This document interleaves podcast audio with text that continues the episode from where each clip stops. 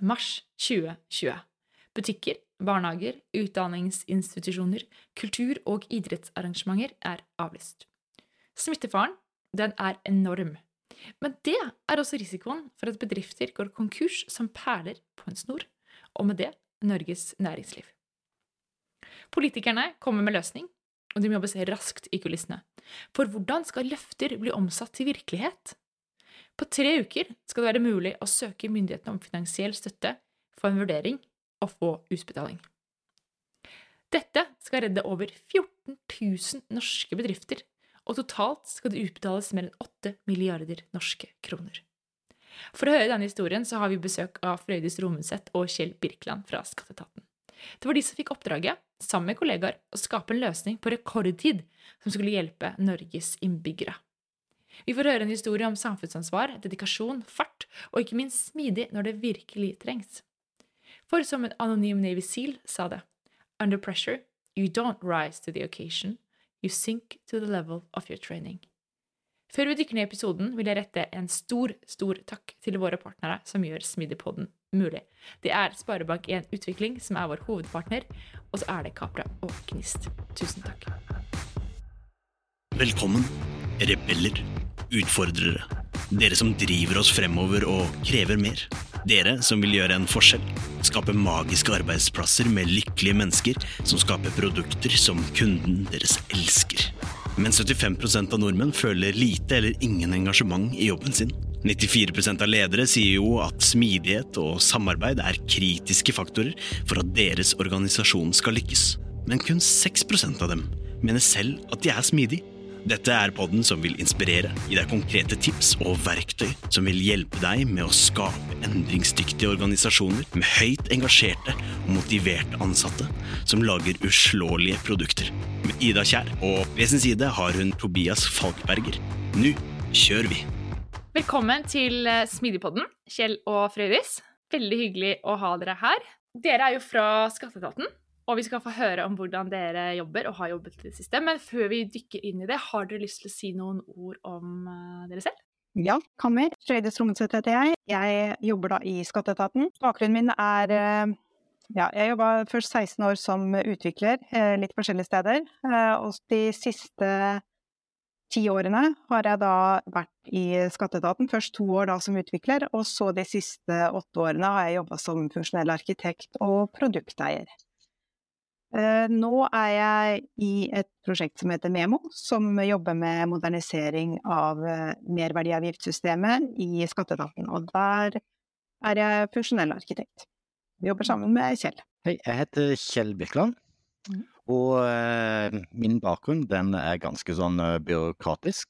Fra Norges Bank via Statens vegvesen og til Skatteetaten. Der har jeg hatt ulike roller. Eh, både innen uh, drift og innen systemutvikling. Uh, og nå etter hvert så er jeg liksom kommet til det forhatte yrket som heter prosjektleder i en sånn smidig verden. Så, men, men, jeg syns det er en veldig fin ting å, å få lov til å være. Så eh, senere årene så har jeg jobba veldig mye med noen av de store satsingene i eh, skatt. Som eh, vi har innført eh, smidig, og i flere av prosjektene har det vært veldig artig å få lov til å være en del av. Så, eh, så nå jobber jeg som eh, prosjektleder, og leder for det som kalles for systemleveranser, som er de som alltid fra å lage brukerreise til å utvikle programvare og sette det i produksjon i Memo-prosjektet. Spennende. Når du sier prosjektleder og prosjekt, hva, hva, hva betyr det? Liksom er det, er det, er det? For et prosjekt kan jo være ganske lite, så det kan være veldig stort. Eh, jeg tenker kanskje et prosjekt i skatteetaten er veldig stort, men er det kanskje tar jeg feil? Nei, vi har en sånn standardstørrelse som er ca. 80-100 personer som jobber sammen i fire år, og så koster ca. 500 millioner. Det er, liksom sånn, eh, det er en sånn standard på, på dette type prosjekt som er Frøydis er med i nå.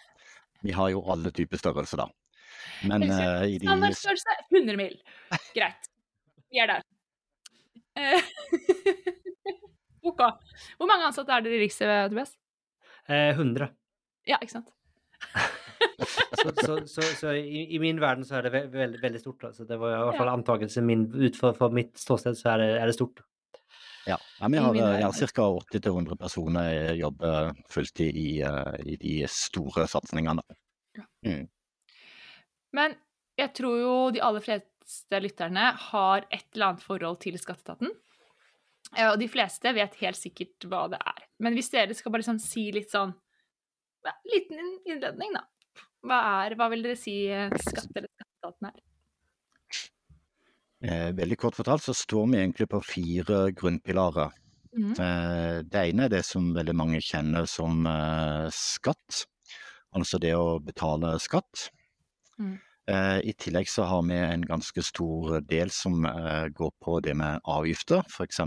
motorvognavgifter, altså alle de der gøye avgiftene som går på liksom øl og tobakk og sånn. Ja vel. Mm. ja. Og så eh, har vi en eh, stor del som går på innkreving. Eh, Det er sikkert ikke så mange som vet det, men, men skatt eh, står for eh, veldig mye av statens innkreving. Så, eh, så nesten uansett hva du skal betale inn til eh, staten, det går gjennom skatt. Og så har vi òg en del som er folkeregister, altså eh, der vi følger hele livsløpet til hvert av menneskene. Så totalt sett så er vi vel ca. 7000 ansatte, og 1000 av de er på IT. Så det er jo en relativt eh, stor organisasjon, da, og Det det. eh, med mye IT. Mm. Ja. Ja, for det var mm, Når jeg kom til, kom til Norge, så husker jeg at jeg skulle, gikk inn på skattekontoret og måtte fylle ut noen blanketter, og etter hvert så fikk jeg et norsk personnummer, og så var det, måtte, var det i gang, da. Så det, det var på en måte mitt første møte med, eh, med skatteetaten for da, snart 15 år siden, da. ja, Ja, jeg må huske Jeg husker ikke når mitt første møte med skatteetaten var, men det var vel da jeg begynte å jobbe, tenker jeg. Det er jo der de fleste møter oss, men, men eh, egentlig så blir du allerede møtt i det øyeblikket du blir eh, født, og, og får, eh, så får du et eh, fødselsnummer. Så der starter det. Mm, så vi kjenner det ikke liksom helt ifra start til slutt. Det gjør man faktisk. Og så må man gå inn og registrere Man blir faktisk møtt før man blir født, for foreldrene må gå inn og registrere deg på måte på sånn farskapsgreier og sånn. Ja, korrekt. Ja. Men det er faktisk en veldig bra opplevelse. Akkurat det, syns jeg. Men nok om det. Um, vi er jo her litt for å snakke om deres smidige reise. Det er det vi skal snakke om. Vi skal ikke snakke om, eh, om alt andre. Um, og da har vi liksom et bakteppe som vi har snakket om litt, um, uh, uh, litt tidligere, og det er dette med kompensasjonsordningen for næring. Har du lyst til å si noe om det? Liksom hvordan det satte litt i gang, liksom? Ja, det var jo en utrolig spennende tid, da. Eh, dette er jo i forbindelse med korona. Nettopp, Og, det var det jeg skulle si. Eh, 12.30 så ble det jo en sånn nedstenging av Norge, enkelt og greit. Eh, de aller fleste som var på jobb måtte gå hjem. Mm. Eh, det gikk utrolig kort tid før eh, media var fylt av informasjon om at eh, nå er det faktisk utrolig mange bedrifter som står i fare for å gå konkurs. Eh, rett og slett eh, fordi det at de har fortsatt gående et stort antall faste avgifter, men har ingen eh, faste utgifter, men har ingen inntekter. Eh, Så eh, det ble etter hvert eh, funnet ut at de aller fleste kom til å gå konkurs allerede 17.4. Ja. Så eh, da kasta politikerne seg rundt eh, og eh, satte i gang med noe som de kaller for kompensasjonsordning. Eh, Det var ganske heftig. Eh, Vi fikk ca. tre uker på oss til å få på plass en plass mellom 10 og 15 nye IT-system. Eh, Vi hadde masse kommunikasjon, både med interne og eksterne system. Eh, Få på plass eh, ca. 300 saksbehandlere, bruke støtteapparat. Alt sammen på ca. tre uker. Dette er jo helt eh, helt vilt. Hva, liksom, hva, hva, hva slags følelse satt dere med Kjell og Frøydis når dere fikk den beskjeden? Liksom, sånn helt ærlig, hva, hva, kjente dere på da? Uh, ja. uh, jeg kjente vel egentlig på gleden av å kunne være med å berge Norge, skal jeg være helt ærlig. Det var jo egentlig det som, uh, som drev oss. Altså, alle sammen hadde jo naboer, venner som var berørt, som satt hjemme. Du hadde folk som du visste kom til å gå konkurs i relativt kort tid. Mm. Eh, så det var eh, et utrolig kick, er det lov å si? Ja, det er lov å si. Ja, det var, det var jo kjempe, altså kjempespennende. Og så var det eh, Altså, det var en veldig ukjent situasjon. Altså en pandemi, nedstenging av landet, eh, altså eh, grensene var stengt. Altså man, man fikk liksom ikke lov til å, å, å, dra noe sted eller gjøre noe. Så det, det å få lov til å virkelig eh, ja, bidra i den, i den situasjonen da, og, gjøre noe konkret, altså noe som ville ha betydning for, for hele landet, det var rett og slett ja, et kick. Utrolig spennende. Ja. Men um, um, hvor sto dere altså som organisasjon uh, når det her traff? For det er kanskje ikke viktig altså Det er jo imponerende uansett, men det kunne være interessant å liksom få litt sånn bilde av hvordan var dere som organisasjon? Hvor gode var dere på Altså hvor mye var det her hverdagen deres fra før, kontra hvor nytt var det her? Hvordan så liksom de strukturene ut? For, for det er ikke Dere var ikke på en måte dere har gjort ganske mye før det her òg, ikke sant? Så det var jo som Dere var litt på vei, men det var fortsatt en ganske stor omstilling sånn over natta. Er det riktig? Ja, og så eh, eh, Utviklingsmessig, det å lage IT-system, det er vi jo ganske godt drilla på. Det å eh, jobbe smidig. Eh, vi lagde jo en plass mellom 10 og 15 nye IT-system på den tida, som, som, ikke var lagd før. Eh, noen av de ligna på noe vi hadde lagd før. Andre var ting vi aldri hadde gjort før, eller prøvd oss på. Eh, så eh, det var en eh, Ja, vi var rigga. Vi har eh, jobba mye smidig, kjente hverandre. Eh, hadde gode folk å, å plukke. Men, men, det var en solid utfordring. Det var det. Det tror jeg på. Ok, og så Dere står her, og så, og så fikk dere den beskjeden. Fortell, hva, hva, skjedde, liksom? Hva, hvordan, hva, hva, gjør man når man får den beskjeden, liksom? Hva gjorde dere? Før vi får høre mer fra Frøydis og Kjell om hvordan de navigerte i krevende tider, skal vi få høre noen ord fra Capra Consulting. For vi står også overfor krevende tider nå. Mange kjenner kanskje på det allerede, Kanskje syns du det er krevende å prioritere hvordan en skal oppnå mål, eller kanskje du står overfor et krevende teknologivalg. Kanskje du må kutte kostnader, eller lurer på om enda en reorganisering vil få fart på utviklingsavdelingen. Nå er Capra sin konsernsjef Aslak, en erfaren teknologirådgiver, klar til å hjelpe akkurat deg med hvordan du kan takle den nye hverdagen. Aslak har kjempelang erfaring innen bl.a. strategiutvikling, organisasjonsdesign, risikostyring, prosessforbedring og teknologiimplementering fra noen av Norges største virksomheter. Og akkurat som geiten Capra er oppkalt etter, er Capra problemløsere, nysgjerrig og driftige.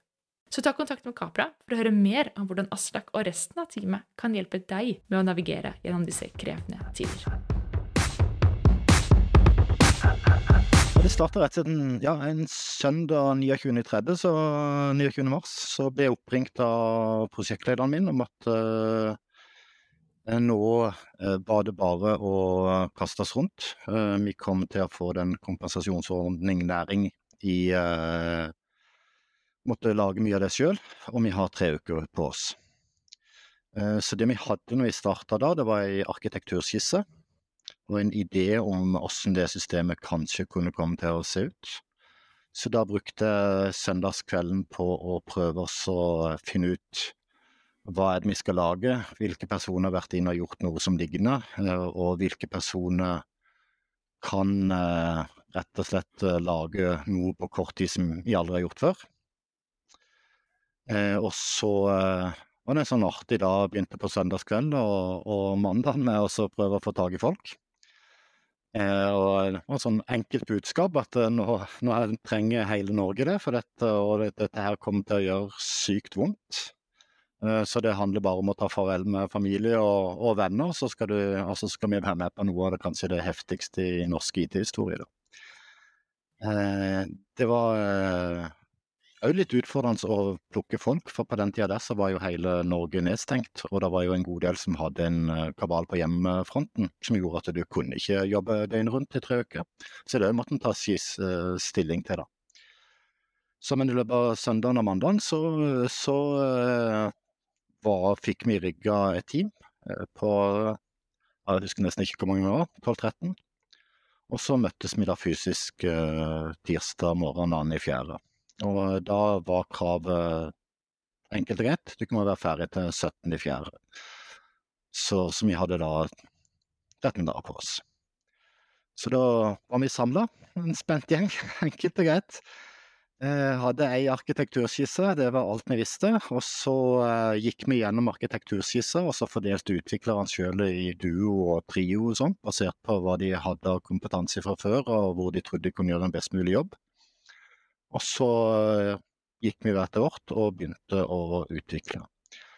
Så Men de, eh, vært, men de kjente hverandre fra før, så det var ikke helt, jeg, helt tilfeldige folk, utan det var folk som på en måte jobbet sammen før det her skjedde, eller?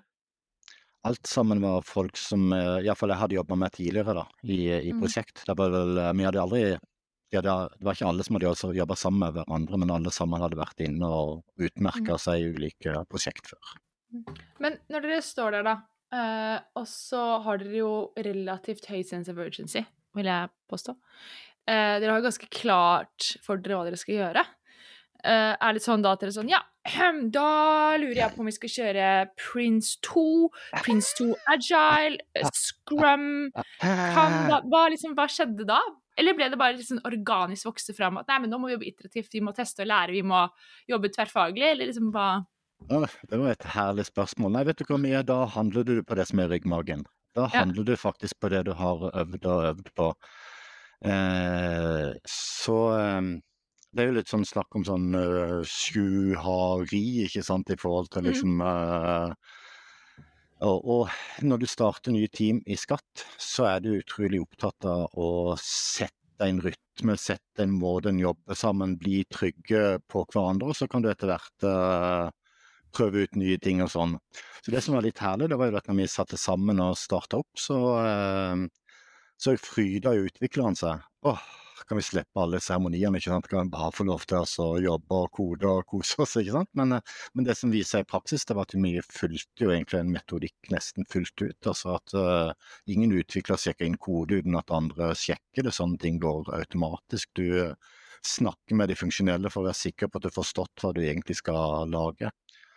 Så, så det var egentlig veldig artig å se at alt sammen som du har terpa og øvd på sant, gjennom flere år, eh, det får lov til å utfolde seg fullt ut i en sånn situasjon. Mm. Eh, Så det, ja, det, det syns jeg var utrolig artig å se hvor praktisk det fungerte. Så eh, vi starta å utvikle på tirsdag, hadde første demoen på fredag. Og da var noen av de første systemene allerede klare. Og vi visste jo ikke hva vi skulle lage. Mm. Eh, Vi hadde en arkitekturskisse, vi hadde nesten ingen krav. Så vi måtte bare starte et sted. Eh, Men vi tenkte at det med demo er faktisk utrolig viktig, da, bare for å vise tillit, eller beholde tilliten. Skape en trygg organisasjon rundt det for å vise at vi får levert når vi klarer å gjøre noe. Mm. Så eh, andre demoen, det var jo langfredag klokka seks på kvelden. 100 deltakere i skatt, og, og da var fryktelig mye ferdig av, av de ja, nesten 15 applikasjoner vi skulle lage. Så, Mm. så på etter to og en halv uke så var det stort sett komplett. Da kjørte vi brukertest på et livesystem. Mm. Ga ikke all verdens mye verdi, fordi at eh, den dagen vi skulle åpne, så endra de jo ganske mange av reglene pga. internasjonale retningslinjer som vi fikk, så da var det på bare på'n igjen. Men uh, sånn er det. Men uh, ja. kan jeg bare skyte inn et spørsmål? For jeg lurer litt på Det er jo, eh, som du sier, liksom alle mann og kvinner på dekk. Eh, og jeg ser for meg at dere jobbet relativt lange dager. Eh, det var jo en periode med veldig høy usikkerhet. Eh, veldig mange opplevde mange, Veldig mange var redde. Eh, redde for venner, familie, redde for seg selv, redde for barna sine. Hvordan klarte dere å balansere måte det med at du må komme her, være på jobb, levere, men også ta vare på menneskene som dere har da, i teamet? Liksom, hvordan balansere det her, på en måte? Liksom det samfunnsoppdraget og fokuset på medmenneskelighet og empati og folka deres, liksom? Det er et godt spørsmål. Altså, eh, jeg tror hele gjengen hadde en opplevelse at vi var der for å redde Norge. Altså, Vi syntes det vi drev på med var så sykt viktig for eh, hele Norge, for hele næringslivet, at det var alt vi eier og har av jeg holdt på å si konkurranseinstinkt, det bare slo til. Mm. Eh, jeg vil absolutt si at det var um, en periode med solid takhøyde. Altså, det måtte det være. Eh, vi jobba, du sa vi jobba mye, ja. Altså, det var jo folk som sov i bilene, og eh, det var døgnet rundt. Vi påla vel folk to dager fri i løpet av de tre ukene, bare for at du liksom både skulle få se familien og sånn, men jeg så alle tok jo med seg PC-en, så jeg vet ikke hvor mye fri de hadde. men... Mm. Kan jeg si et annet spørsmål? Nå kanskje, jeg, nå kanskje jeg rører rundt i et sånn vepsebol, men hva sa Arbeidstilsynet? Eh, Vi var fritatt fra alle tenkelige regler og ordninger, Ja. Så det rydda vi Det er bra de klarte å snu seg rundt òg, da. Det er jo skikkelig Ja. Ja. Det var, det var jo litt av det som kjennetegna det arbeidet her, at alle, alle snudde seg rundt for at vi skulle få eh, den arbeidsroen vi tre, trengte og, og kunne ja, eh, gjennomføre jobben eh, som måtte gjøres. Men det, det- men det er jo som du sier, det var jo en veldig spesiell situasjon. Jeg husker godt den første dagen vi kom, for det var jo altså bare det at vi møtte fysisk på jobb den, den tirsdagen var jo også eh, på en måte egentlig ulovlig. Og Mm. eh, vi var jo ganske nøye sånn i starten med å, på en måte prøve å holde den her eh, meteren eller to meter, eller hva det var på den tiden. Og, og være litt bevisst på smittevern og sånn. Men, men det ble jo, som du sa, lange arbeidsdager, og da pizzaen kom på bordet liksom på, på kvelden, da, da var alt, alt smittevern på en måte glemt. Det var eh, eh, men, men det ble litt sånn i de tre ukene så var det teamet som var familien din, på en måte. Det var eh, ja, det var din Eh, kohort, ja, liksom. det, det var der vi var, og det var der vi hadde uh, Ja, det, det, var, det var familien vår i de, de tre ukene. Eh, Vi hopper kanskje litt i historien, men jeg har lyst til å spørre likevel. For det er jo en Det høres ut som en, eh, hva skal jeg si, en ekstrem og fantastisk opplevelse å ha vært med om. Og alle som har på en måte gjort noe ekstraordinært noen gang, vet jo hvordan em, det former det fremover. Nå er vi jo da to år senere. Altså, hvordan har det endret kulturen? Hvordan har det, det, her- måtte satt preg på organisasjonen, og hvordan blir det snakket om i dag? Hvordan liksom, ja, den mer langvarige effekten ut av det her, da? Det er et veldig interessant spørsmål. Eh, når vi, eh, det var jo en utrolig reise og en opplevelse som kanskje folk Ja, det er ikke mange forunt å oppleve det, og, og det skjer for de aller fleste forhåpentligvis bare en gang i livet. Men eh, det vi gjorde når vi kom tilbake, eh, var faktisk at vi eh, ikke sa så utrolig mye internt. Eh, Det hadde noe med at vi ikke ønska å skape en sånn A-lag, B-lag-følelse. Veldig sånn bevisst i, i forhold til, til det, og heller egentlig prøvd å si at dette her kunne egentlig flere gått inn og gjort. For det var en ganske viktig bit. Og så har vi liksom, når det modnes litt og sånn, så, så har vi liksom tatt opp igjen og prøvd å finne litt ut uh, hva kan vi ta med oss av dette her inn i hverdagen, og hva kan vi uh, lære, og hva kan vi justere på. Men det var en sånn litt sånn bevisst holdning i etterkant at vi ikke måtte skape at dette var de mest fantastiske menneskene i verden som klarte det som ingen andre klarte. Det, det var en sånn bevisst, uh, bevisst greie, faktisk. Mm. Uh, Som jeg tror var viktig der og da. Men nå uh, vi har vi jo begynt å tatt opp mer og mer og mer av det vi faktisk lærte der, og, og prøver oss å få satt i system og, og ta nytte av det. Hvor viktig litt- tenker dere eh, Hvor viktig tenker dere at dere hadde et oppdrag? Um, hadde dere, tenker at dere fått til det samme hvis det oppdraget hadde vært noe helt annet? Altså si at det ikke Det var ikke å redde næringslivet i Norge. Um, det var å få flest betalende kunder. Um, hadde dere fått til det samme? Eller hvor, altså, hvor, hvor, hvor mye på en måte, suksesshistorien ble preget av at det var det det var, og situasjonen var det var, og hvor, hvor lett Skjønner dere hva jeg prøver å spørre om? Altså, er liksom, er det, var det, hva var det som skapte suksessen? Var det at det var det målet det var, eller var det måten dere klarte å ta det ut, eller var det en kombinasjon? Var det folka? Hva, hva var det som gjorde at det faktisk gikk så som, som Det høres ut som noe ganske imponerende hvor mye dere klarte å få til på så kort tid. Eh, hva er på en måte deres take på hva var det viktigste som skapte den suksessen? Ja, altså det, det viktigste, det, det er jo eh, selvfølgelig eh, håper jeg, folkene, men, men jeg tror eh, det oppdraget og det å skulle ønske å redde Norge, for det var jo det vi tenkte, eh, det tror jeg ikke du klarer å gjenskape sånn uten videre. Eh, vi så for oss et bilde der eh, titusener, kanskje hundretusener av næringsdrivende som egentlig burde ha overlevd veldig fint, eh, kom til å gå eh, i, i en vanskelig situasjon. Eh, sånn at du ikke bare kunne lese om det, men du hadde jo naboer, ikke sant. Du hadde venner, eh, familie som var berørt. Eh, så det var et sånn kick som var under en annen verden, altså. det og, ja, Vi tenkte vel omtrent at vi skulle berge Norge opp her, og på en måte så var det jo litt det vi gjorde akkurat her og da. Så, så jeg tror det Eh, det er ikke så lett å gjenskape et sånn type engasjement, men det betyr jo at, at, målet med det du driver på med, å kunne liksom ha noe som du virkelig brenner for, noe som virkelig gir noe i hverdagen, det, det betyr utrolig mye i forhold til hvor du kan strekke det, hva du faktisk kan få til da. Mm. Ja, det, jeg tenker også at det må jo ha vært veldig tydelig. Eh, det var jo også veldig tydelig, tenker jeg, for alle sammen. Eh, det var veldig, veldig tydelig hva man skulle løse, og hvorfor det var viktig. Eh, som, som, kanskje Som i alle fall en refleksjon jeg gjør, da, at liksom, det var ikke noe jeg tror ikke det var noen som kanskje, det var ingen som tvilte på hva, hvorfor, hva som skulle oppnås og hvorfor. Som, som er en, jeg tenker kan også være en faktor oppi der, da.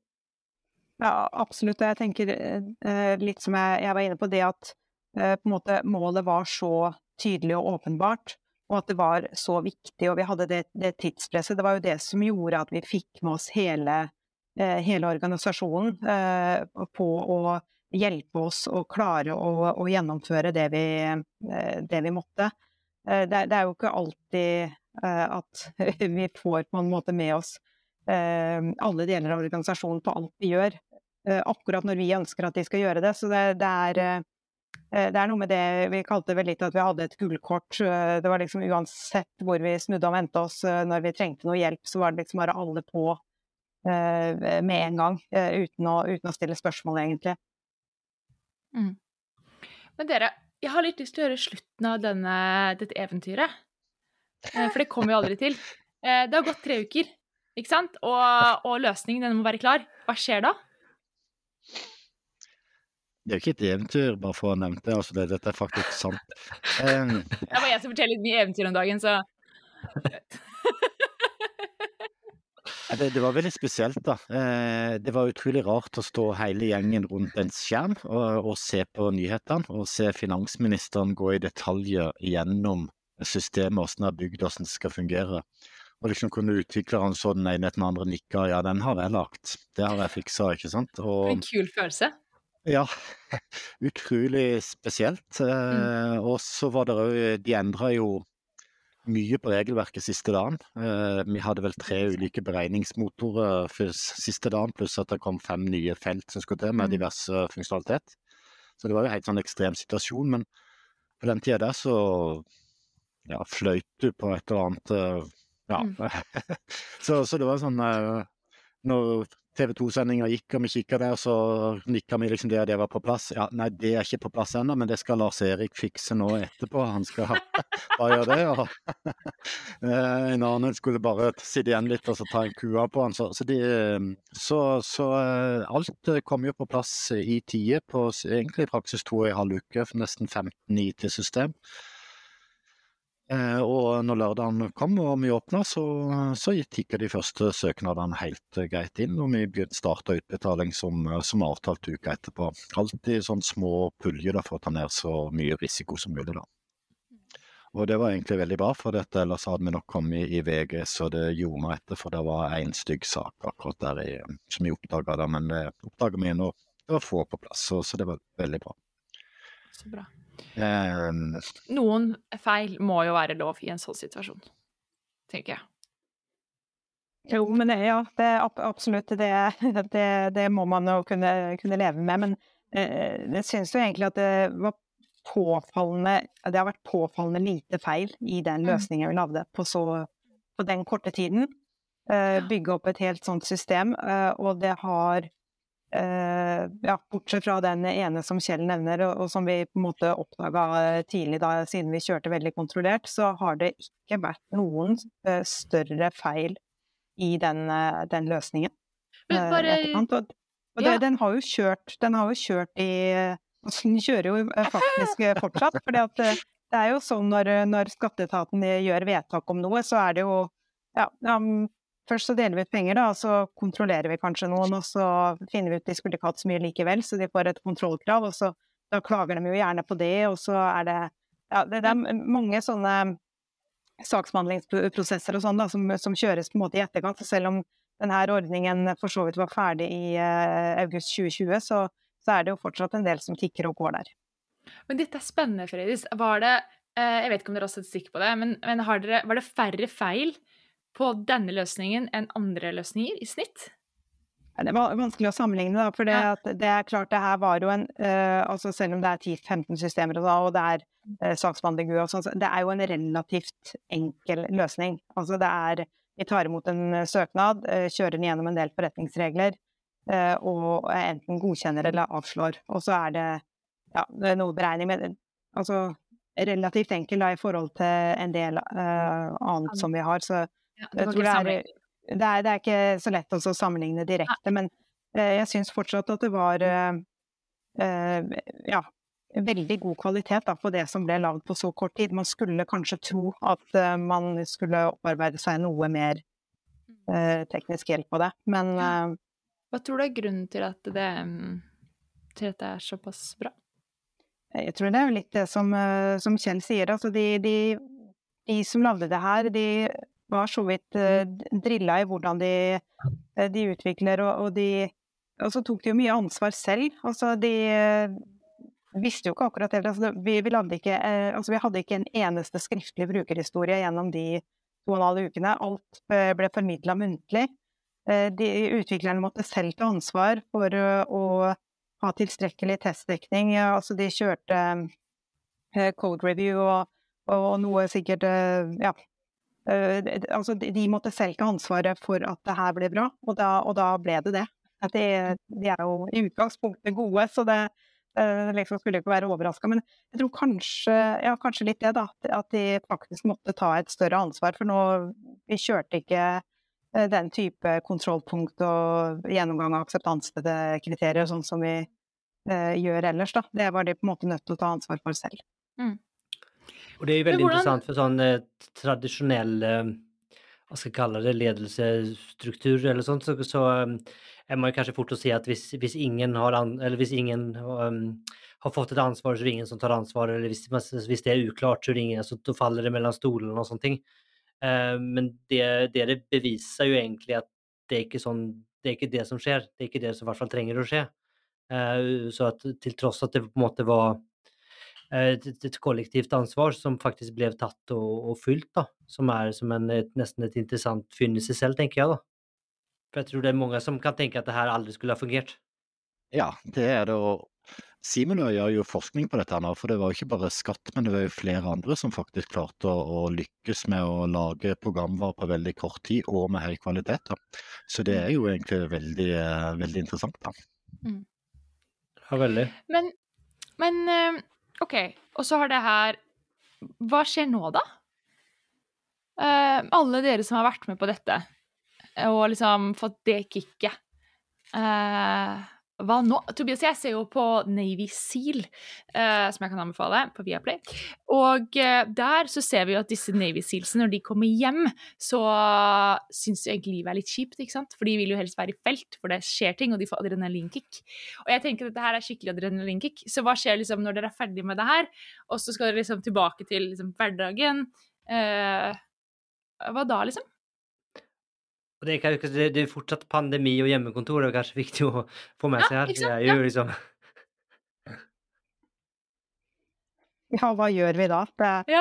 altså, jeg, jeg synes Det var jo det, og det, det prøvde vi jo på, altså å eh, ta med oss de, eh, de tingene vi eh, lærte underveis. Mm. Vi, tenk, ja, vi, trengte nok litt tid på, på en måte å, å fordøye alt som har skjedd. Altså, man var liksom inne i en sånn boble Eh, den, den, tiden det pågikk. Men eh, vi dro jo med oss en del. Altså, det var jo veldig Jeg synes det var veldig fint å, å, oppleve hvor godt det fungerte. Altså det er uh, uh, break the rule og, og be the rule, som du nevnte, Kjell Sverre. Altså at, at det, det, her kunne utviklerne våre og alle de rundt så godt at det her bare gjorde de uten å mm. måte, tenke seg om. Eh, samtidig så er det jo noe med å ta den, den smidigheten som åpenbart var i teamet, inn i andre deler av organisasjonen. Da. For det, var jo ikke bare et uh, IT-system som ble, ble, til i løpet av de to og en halv ukene, det var jo også en forskrift. Altså det Kjell nevner om at vi måtte gjøre endringer i systemet liksom siste dagen. Det var jo fordi at uh, helt på starten av perioden så var det jo sånn at uh, man skulle jo bare pøse ut penger til de som trengte det, eh, og det var liksom bare viktig å få pengene ut. Men så gjennom den to og en halv ukers perioden så ble det jo mer og mer sånn Oi, vi må passe på at ikke det her blir en, en melkeku for svindlere. Altså, vi må, må, få inn masse regler på hvem som skal få penger, og hvem som ikke skal få. Masse kontroller og sånt som, eh, som blir innført. Og det arbeidet, altså det å sitte At en forskrift blir utarbeidet på to og en halv uke, det er, det er ikke normalt. Og det at vi Eh, som jobba med IT-systemet, fikk være så tett på ikke bare juristene i skatt, det, vi jobber vanligvis ikke så tett med dem heller, eh, men i tillegg fikk være med på møter direkte med departementet. Det, det var jo helt eh, ekstraordinært. Men vi så jo da at vi fikk Altså, det var et eh, tydelig formål med hva man ønska å oppnå med denne eh, ordningen. Uh, og med det samarbeidet så fikk vi da et IT-system som kunne støtte opp under den, eh, det formålet på en best mulig måte ved at alle, eh, all ordlyd i forskriften ble lagt opp til at vi kunne teste ting maskinelt i vårt system basert på den informasjonen vi hadde. Eh, sånn at vi Den måten vi på en måte samarbeida på for å utforme forskrift, er noe som vi kanskje kunne ønske oss å ta med litt eh, mer i, i, det videre arbeidet vi gjør i, i Skatt. Da. Og det Ja, det er jo litt, litt som vi har snakka om også, det her med å, å, gå over til en sånn type uh, mer produktorientert uh, etat fremfor en prosjektorientert etat. Det vil jo være uh, en, ja, en, tilnærming som jeg tror vil gjøre at vi kan i mye større grad få på plass en sånn type, sånn type samarbeid. Mm for de som ikke helt eh, for de som ikke, for de som ikke vet hva, eller skjønner helt hva det betyr, kan du kanskje utvikle litt hva Gå fra prosjektorganisering til produktorganisering, hva, hva, hva, betyr det egentlig det, og hva, hva er forskjellen? Ja, eh, det, ja, du kan kanskje si litt om det, Kjell. Du kjenner jo det egentlig bedre enn meg. Ja, Det er jo en eh, fase vi er inne i nå. Vi er jo i et prosjekt som heter Memo, som går på modernisering av MVA.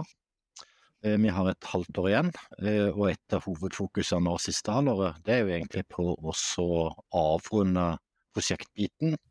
Eh, beholde en del av folkene som har jobba med det, en god del av folkene som har jobba med det. Og forvalte det videre i et sånn produktorientering. Og på mange måter så, så skal vi si det veldig enkelt, så går det jo litt ifra i prosjekt så er vi veldig opptatt av leveranse, levere eh, produktet. Mens uh, i en produktorganisering så vil vi være mye mer opptatt av effektene, resultatene, uh, og hva du faktisk klarer å oppnå med disse systemene, framfor det å tenke på, på leveranse. Uh, at en prøver å sette seg mål i forhold til f.eks. et mål i prosjektet nå, det er jo at 90% av alle saker skal håndteres maskinelt. Så det ikke skal saksbehandlere inn i bildet. Eh, det er jo en sånn typisk eh, mål, konkrete ting som du kan måle og prøve å nå, og at en tenker mer resultatorientert. Det er jo utrolig spennende. da. Vi gjør jo en del av det i prosjektet, men prosjektene blir jo veldig fokusert på det å skulle levere noe. Produktet er egentlig basis å bygge videre på, rett og slett. Mm. Men, så ja, ja. Mm. Unnskyld, fortsett. Så, så Skatti har, har, jo i mange år brukt eh, store prosjekt på å gjøre store endringer. Til å gjøre store løft. Og det vi ser nå de senere årene, så, så løfter vi det ikke bare teknisk, men vi prøver å gjøre det på forretningssida. Mm. Eh, for da så beveger vi oss over fra å tenke leveranseorientert til mer resultatorientert. Det er veldig mm. spennende. da. Du, dere nevnte når dere jobbet med kompensasjonsordningen, så hadde dere ikke noe skriftlig brukerhistorier, det var mer muntlig, ikke sant? Det gikk jo veldig fort. Men sånn som nå, da, i Memo, har dere nå skriftlige brukerhistorier? Jobber dere, brukertester dere? Altså hvordan er det dere øh, jobber da? Ja, eh, vi, vi har eh, Altså, jeg vil ikke si at det er utelukkende en god idé å bare ha muntlige brukerhistorier. Altså at det, det var en Det var bra du sa det, Fredrik. eh, ekstremsituasjon. Så og jeg, altså etter at de, de eh, første tre ukene på en måte var, eh, var ferdig og vi, vi gikk i mer hva skal man si, ordinær forvaltning, så, så oppretta vi eh, brukerhistorie på ting. For det er noe med at eh, Eh, altså Ting må jo jobbes med over tid og bearbeides, man kan ikke forvente at alle som jobber med det, skal gå rundt og ha det fremst i pannebrasken til enhver tid. Eh, selv om vi hadde det da i, løpet av de, de, tre ukene. Så det, eh, eh så, så det eh, men, men, det er kanskje det med å se viktigheten av dialog, da, og se viktigheten av å tegne skisser på tavle sammen. Altså det, hvor, hvor viktig kommunikasjonen er for å formidle uh, brukerhistoriene, da, eller, eller, andre ting man skal uh, få, få, levert eller diskutere. Det, det, det, er noe med at jeg, jeg syns vi fikk tydeliggjort hvor viktig det er at man har ikke en sånn handover, men at man har en dialog hele tiden når man skal jobbe med ting. så vi, vi, vi, har vel gått på en måte litt tilbake til at vi har da ja, vi har brukerhistorie, men vi har vel eh, Vi lærte vel noe altså rundt det med, med, testing og sånn. Der ble det gjort noen endringer basert på erfaringene fra, fra ordningen, gjorde det ikke det, Kjell? Der gikk vi et steg videre. Absolutt. Vi, eh, det er jo litt rart at du Det er Sjur liksom at du på en måte beat rule på slutten. At du eh, du kutter automatisk det som kanskje egentlig du har lenge har tenkt ikke gir verdi, men bare gjør det fordi det er en del av metodikken eller det du er blitt lært opp til. Så, så, det så vi jo at det var en del av testregimet som vi eh, innså var faktisk unødvendig, og en annen del av testregimet som vi så var ekstremt viktig eh, med automatiserte tester. Og det er jo det litt eh, en sånn ekstrem uh, periode faktisk klarer å framprovosere. At du får reindyrka det som faktisk er viktig, da. Og lærer egentlig utrolig mye av det. Og det har vi jo tatt med oss videre direkte fra prosjektet. Mm. Hva vil dere si er Ja, kjør i det. Nei, jeg ville bare spørre om eh, topp tre læringspunkter fra denne opplevelsen som dere, lyst, som dere, vil ta med dere, eller tok med dere inn videre i Skatteetaten. Skal vi velge hver sin, eh, Frøyde? Ja, vi kan velge hver dere. Det var ikke så gjennomtenkt Dere kan velge tre hver. eh, jeg det, altså det å ha et uh, helt uh, entydig mål uh, som alle var omforent om, det tenker jeg Altså viktigheten av det ble veldig, veldig, veldig tydelig. Mm. Det er enkelt. Det å ha en tett dialog, det å ikke tro at du bare kan kommunisere ut og at alle forstår hva du faktisk sier, men at du kan stille spørsmål og få justert kurs, tror jeg var avgjørende. Den fasen vi var i. Det syns jeg var veldig fine læringspunkter. Tydelig retning med en mulighet til å justere. Det høres kjent ut, Tobias. det høres litt kjent ut. Um, Nå kan du si litt spørsmål. Ja, mitt spørsmål er jo litt sånn uh, veien videre og, og fremtiden. Altså, det, det, det, høres ut som at dere gjør utrolig mye spennende. Um, hvordan, hvordan, ser, liksom, hvordan, tenker dere om fremtiden og måtte utviklingen for, for skatteetaten og digitalisering, og søker dere folk? og ja, sånn, Det var interessant å høre litt sånn hvordan eh, Ja. Um, hva tenker dere om fremtiden? Hva er, er satsingen? Hvordan ser det ut? Vi har jo et uh, veldig stort uh, program gående som heter Framtidens innkreving. Uh, som jo er veldig spennende, da. og der har vi jo i mye større grad enn tidligere begynte å benytte oss av å tenke rundt design thinking, design sprint, liksom begynner å legge en større vekt på brukerdelen. Eh, det syns jeg jo er veldig spennende. Eh, og så er vi jo tydelige på at eh, verden framover så, så, vil det jo bli mindre prosjekt og mer produkt. Eh, det er det jo ikke tvil om. Så når de, vi avrunder de store satsingene eller prosjektene nå, så blir det jo stående igjen ganske mange ifra den organisasjonen for å kunne videreutvikle Eh, og det er jo veldig spennende, syns jeg, da. Å jobbe mer eh, produktorientert og tenke litt mer på, på hvilke virkninger du skal få ut og sånn. Så det, det er en veldig spennende bit. bit. Ja, det, jeg også tenker det, det med den produktorienteringen, da, hvordan vi skal ta på en måte kanskje de litt sånn trauste produktene vi har med, med skatt og, og merverdiavgift, og på en måte eh, vri det til at vi nå skal eh, jobbe mer for å eh, levere verdi ut til bruker, da, og, og hvordan vi må endre både tankegangen og, og måten vi jobber på for å få til det, tror jeg blir veldig, eh, veldig spennende i årene fremover. Og nå når vi har, eh, nå har vi på en måte en base med, med altså moderniserte eh, løsninger på disse områdene, som eh, skal være fleksible nok til å gi oss eh, på en måte muligheten til å, å kunne jobbe smidig rundt disse tingene. Da. Så det eh, Ja, jeg er veldig, veldig spent på å se hvordan vi får til det fremover. Så jobber vi jo mye mer datadrevne enn det vi har gjort før. Det var jo en av de tingene som vi fikk eh, virkelig oppleve gevinsten med i eh, kompensasjonsordning næring. Eh, Det var jo ganske ekstremt hvor mye vi lærte i forhold til hva en kan finne ut og se på med, med de dataene du har. Så, så vi er jo helt sikre på at med veldig åpne rammer som vi hadde i den ordninga der, så tok vi eh, utrolig mye svindelforsøk i en eh, veldig, veldig tidlig fase, eller før de rakk å komme gjennom.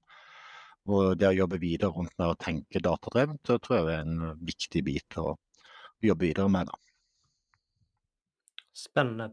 Så sånn helt sånn på tampen, så vi snakka litt eh, innledningsvis om at eh, du er litt involvert, Kjell, i et prosjekt mot eh, Rwanda. Som jeg liksom bare liksom må høre mer om. Eh, det må du fortelle litt om. Det, det høres jo helt, eh, helt utrolig spennende ut. Det, det er litt digresjon, men det, det syns jeg var så spennende, så det må du få, få lov å fortelle litt om. Ja, ja, nei, det er jo en eh, Det er jo kjempespennende. Det er jo det. Så Skatteetaten de er engasjert i flere land i forbindelse med bistandsarbeid. Og det er prosjektet støtta av Norad. Jobber bl.a. i Rwanda, Tanzania, Zanzibar. Og eh, der eh, jobber vi på flere ulike fronter. Eh, det er både på skattefaglig, eh, men det er òg på IT.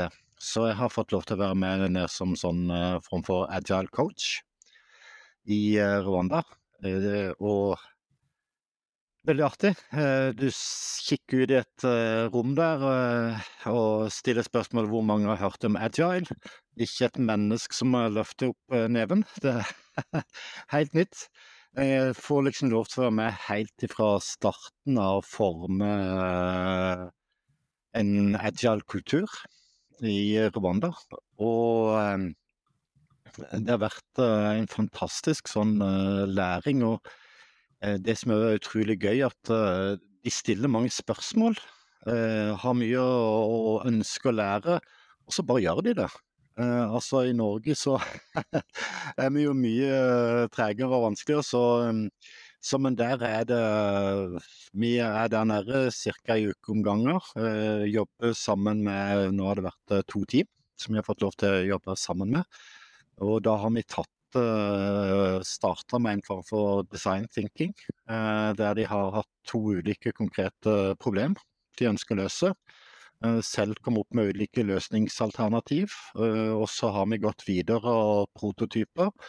Og uh, avslutta vel eh, uka med at de satt med en ca. 50 brukerhistorier som de hadde delvis ferdig. Og dette er folk som aldri hadde kjørt Agile og aldri hadde prøvd seg på det før. Og da hadde vi to ulike forretningsområder som vi var inne og, og, eh, og støtta da. Eh, Så eh, sjekker vi etterpå med oppfølging og hører åssen det går og sånn, og da hadde de satt i gang med utvikling på, på mandag, basert på det de hadde lært eh, uka før. Så det har vært en utrolig artig reise. og eh, De er både veldig interessert i å lære, de stiller gode spørsmål, og det er veldig gøy, for det er sentrale system i, i de sin hverdag du får lov til å være med og påvirke. Så det er blant annet lager de en eh, egen eh, Min side der nede. Eh, Så hvordan på en måte skatteetaten skal møte alle, alle personer og virksomheter i, i Rwanda.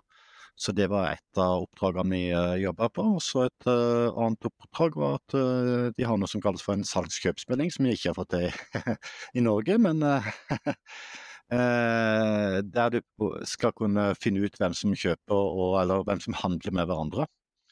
Eh, og der hadde de funnet ut at det var eh, rariteter som skjedde med at eh, folk oppga at de hadde kjøpt og solgt, men det hadde de faktisk ikke gjort. Så de har drevet på med mislighold og sånn. Så, så, det var en av løsningene. Og begge, begge prosjektene så klarte vi å komme opp med ganske gode løsninger på to problem, og utviklinga starta uka etterpå i, med smidig prinsipp. Så, så, vi skal følge opp det videre da med flere reiser ned. Så det er et sånn ja, det blir vel ca. tre, tre, år kanskje som vi fortsetter å følge opp de timene for å bygge de så smidige som mulig. Så kan vi etter hvert begynne å se på continuous deployment og masse automatiserte tester, mange av de bitene som må på plass. Men det, det verdt, det, eh, en utrolig flott opplevelse å få lov til å være med på, være med på som en del av det.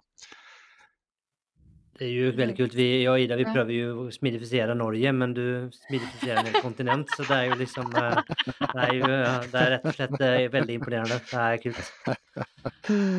Ja, du får være med der en dag. Ja, det... Rom for flere. Jeg blir, jeg blir veldig, veldig gira. Ja. Nei, Jeg syns det er en fantastisk mulighet, det må jeg bare si for egen del. Det har vært utrolig gøy å være med. og så, så hvis en skulle komme, få lov til å si noe om stillingsannonser, så er vi jo på jakt etter folk som kan tenke seg å ha litt sånn lengre opphold. Jobbe sammen med, for, for liksom det vi gjør nå, det er jo nede og jobbe ei uke. Neste gang jeg skal ned, så blir det 14 dager. Eh, men det er for kort tid. sant? Du skulle fått lov til å følge de litt ned fra dag til dag over en litt lengre periode for å få, få ting ordentlig på plass. Men det er utrolig spennende. Så, så syns jeg det er så gøy, for jeg har vært med på å smi, starte smidig liksom i skatteetaten. og og nå har du jo hatt noen 10-15 års læring sant? som du liksom kan ta med deg ned der. I tillegg har jo dette med design thinking og mye nye metoder kommet inn i etterkant. Sant? Så det, det, kan du liksom begynne å ta med deg inn når du er der nede. Så det har eh, ja, det har vært eh, utrolig artig, rett og slett. Mm. Så dere leter etter noen som kan bli med ned og gjøre Rwanda mer smidig? Ja, Zanzibar er jo òg en mulighet hvis vi syns det er litt kulere. Men ja, vi er faktisk på jakt etter, etter folk som, uh, som, kan bidra inn i en internasjonal satsing. Også uh, folk som kan være med i internasjonal satsing. Vi har jo flere områder der vi er på jakt etter folk. Vi uh, er alltid på jakt etter flinke, flinke folk. Det, det, er vi. Og det er en vi kan vel skryte og si at vi syns vi har en utrolig flott arbeidsplass og utrolig utfordrende og spennende prosjekt. sånn i all beskjedenhet, ja. ja. I all beskjedenhet. ja. Det, det høres unektelig sånn ut, så at, eh, ja, det er spennende. Spennende, spennende. Jeg ser at tiden løper fra oss som vanlig, Ida. Den gjør det. Sitter du på noen siste lurespørsmål før, eh, før vi skal, skal si, hoppe, hoppe, videre, eller? Uh, ja, bare Ja, jeg har ett spørsmål. Uh, og det er jo rundt Selvfølgelig. Ja, selvfølgelig. For vi har ikke snakket om deres smidige manifest, og det syns jeg er litt, kanskje fint å bare si litt om. Dere har et eget smidig-manifest? Ja.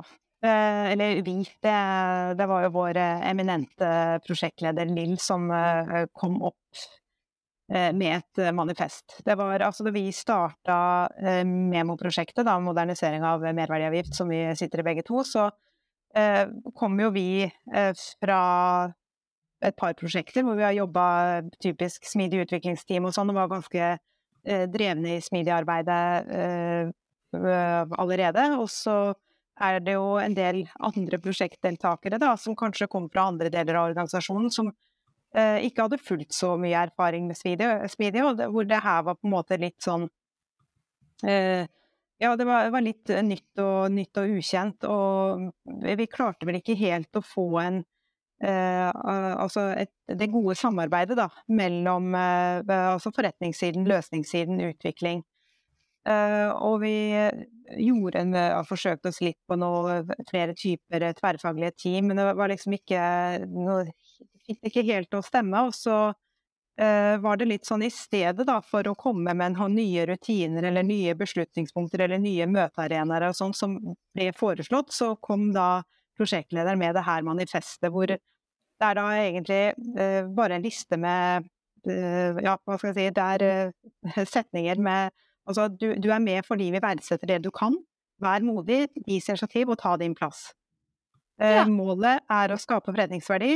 Pass på at kost-nytte er riktig for alle. så bare enkle leveregler som vi eh, mener understøtter et smidig arbeid, og som ble hengt opp rundt omkring i lokalet der vi sitter, og ble tatt opp i, i møter. Så det å eh, på en måte skape holdninger eh, fremfor å, å eh, lage nye rutiner, det, eh, det syns vi var en god idé, og jeg, jeg syns jo at det, det, gjorde en endring. Altså det vi, vi ble jo sammen flinkere og flinkere til å jobbe, jobbe smidig Mm. etter hvert som prosjektet skred frem. Gøy. Et av de som ble viktig, det var jo nei, du må ikke være med på alle diskusjoner. Det går bra likevel. Eh, jo en, den ble jo mye brukt, da. Og Den er det mange som trenger, altså. Ja. Den er det mange som trenger. Så det var veldig fint.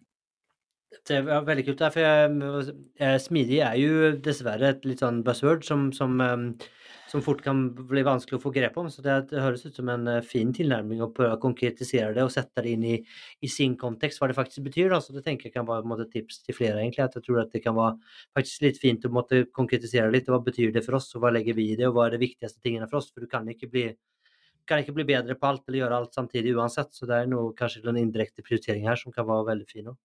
Mm. Men Ida, jeg tror vi må begynne å runde av, må vi ikke det? Ja, vi må det. Eh, Hvis vi tar det første av våre eh, fem siste spørsmål, eh, som er hva ville dere fortalt 20 år gamle dere selv? Eh, Jeg tror jeg hadde trengt å høre at jobben er ikke alt i livet. Det hadde vært veldig fint å høre. Og så tror jeg det at jeg skulle, noen skulle fortalt meg at jeg trenger ikke gjøre alt sjøl.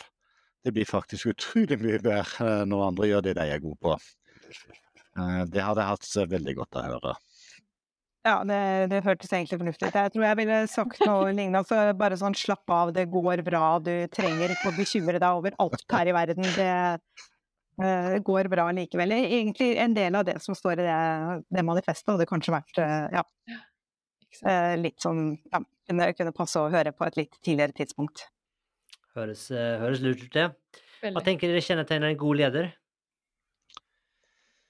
Ja, nei, jeg tenkte liksom at uh, det å være til stede uh, altså trenger ikke alltid være fysisk, men det å være til stede når du faktisk treffes. uh, det å kunne lytte. uh, det å kunne stå og kunne gjøre, gi retning i stormen. For, for en leder vil alltid i perioder stå i en storm. Og så eh, kanskje det viktigste det er jo å la andre få lov til å slippe til og være med på å gjøre de gode.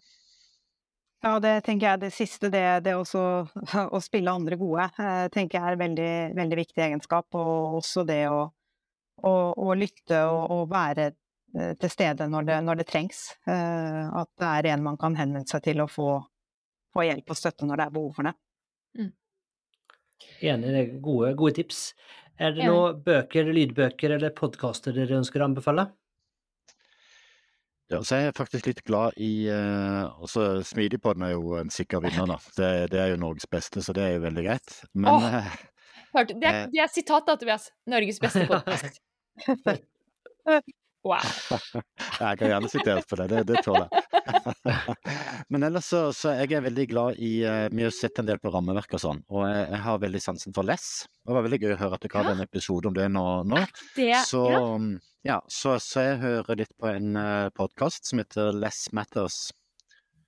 Som, som jeg syns er veldig eh, veldig ålreit. Eh, Der er det jo ja, ja. Har du noen tips, Frøydis? Ja, det var på bøker. Jeg leste akkurat nå den 'Rethinking Agile' og det, eh, av Klaus Leopold, og den, den syns jeg traff veldig, veldig godt i, forhold til vår situasjon i, i skatteetaten. Da. Altså en, en større organisasjon som skal, skal jobbe smidig. Så jeg syns det var eh, Ja, jeg, jeg sa det akkurat med Kjell at jeg satt jo og lo høyt på T-banen her eh, noen ganger. Jeg leste noen eh, utdrag fra den boka, så det, den ja, den, den syns jeg den var både ja, morsom, lettlest og, og, og ja, traff veldig, veldig godt på den situasjonen jeg føler vi, vi er midt oppi, da. Med Gode tips. Jeg kan jo anbefale ei som heter Agile Conversations, som jeg sitter og koser meg med akkurat nå. Eh, veldig, eh, veldig artig, veldig konkret, veldig jordnær. Eh, det er jo noe vi har opplevd nå når etter hvert som det har kommet inn i en mer sånn hybrid situasjon, at kommunikasjon er blitt utrolig mye viktigere. Det er mye mer utfordrende, vanskeligere, for du ser ikke folk så mye som du gjorde før. Så det er liksom å kunne snakke sammen på en god måte, forstå hverandre og være lyttende. Så den, den, kan anbefales for de som er litt opptatt av de myke verdiene. Eh, så det har vært veldig artig. Veldig masse konkrete eksempler, gode samtaler, skikkelig masse aha-opplevelser, altså. Kult. Um, hvis man ønsker å komme i kontakt med dere, om man kanskje har noen spørsmål eller man lurer på, eller kanskje man er interessert i den spennende jobben som dere pitchet her, f.eks., hvordan eh, kommer man i kontakt med dere? Eh, LinkedIn er jo en veldig grei kanal. Eh, ellers må gjerne folk ta kontakt med Messenger, de er, går an å finne der. Men, men, LinkedIn er en grei kanal. Syns det er veldig Ja, bruke litt tid på LinkedIn, jeg syns det blir bra. Mange gode grupper er med på der i tillegg. Mm. Jeg er enig i deg. LinkedIn er fin fin kanal. Strålende. Vi legger til en linke til eh, LinkedIn, så finner man både eh, Kjell og um, Frøydis der, hvis man uh, vil ta mm. kontakt. Så med det, Ida Så er det bare å si tusen, tusen takk for at dere hadde lyst til å være med på Smidigpodden. Det var kjempespennende og lærerikt. Tusen takk. Tusen takk for at jeg fikk komme. Det var utrolig kjekt Ja, tusen takk. Det var gøy å, som jeg sa, løfte litt på panseret under Norge AS. Fikk jeg sagt det òg. All right, da sitter vi her da. Det gjør vi. Ha det bra. Ha det, ha det godt. Ha det bra. Jeg vil bare minne deg om Smidigpodden-fellesskapet. Kanskje har du lyst på eksklusiv tilgang til foredrag, kurs og masse masse mer. Eller kanskje du bare liker denne episoden spesielt godt. Eller kanskje du bare syns Smidigpodden er som lommen eller rosin i pølsa om du vil, og vil vise at du setter pris på oss. Da må du gå inn på smidigpodden.no en kaffe for å bli en del av Smidigpodden-fellesskapet. Håper å se deg der.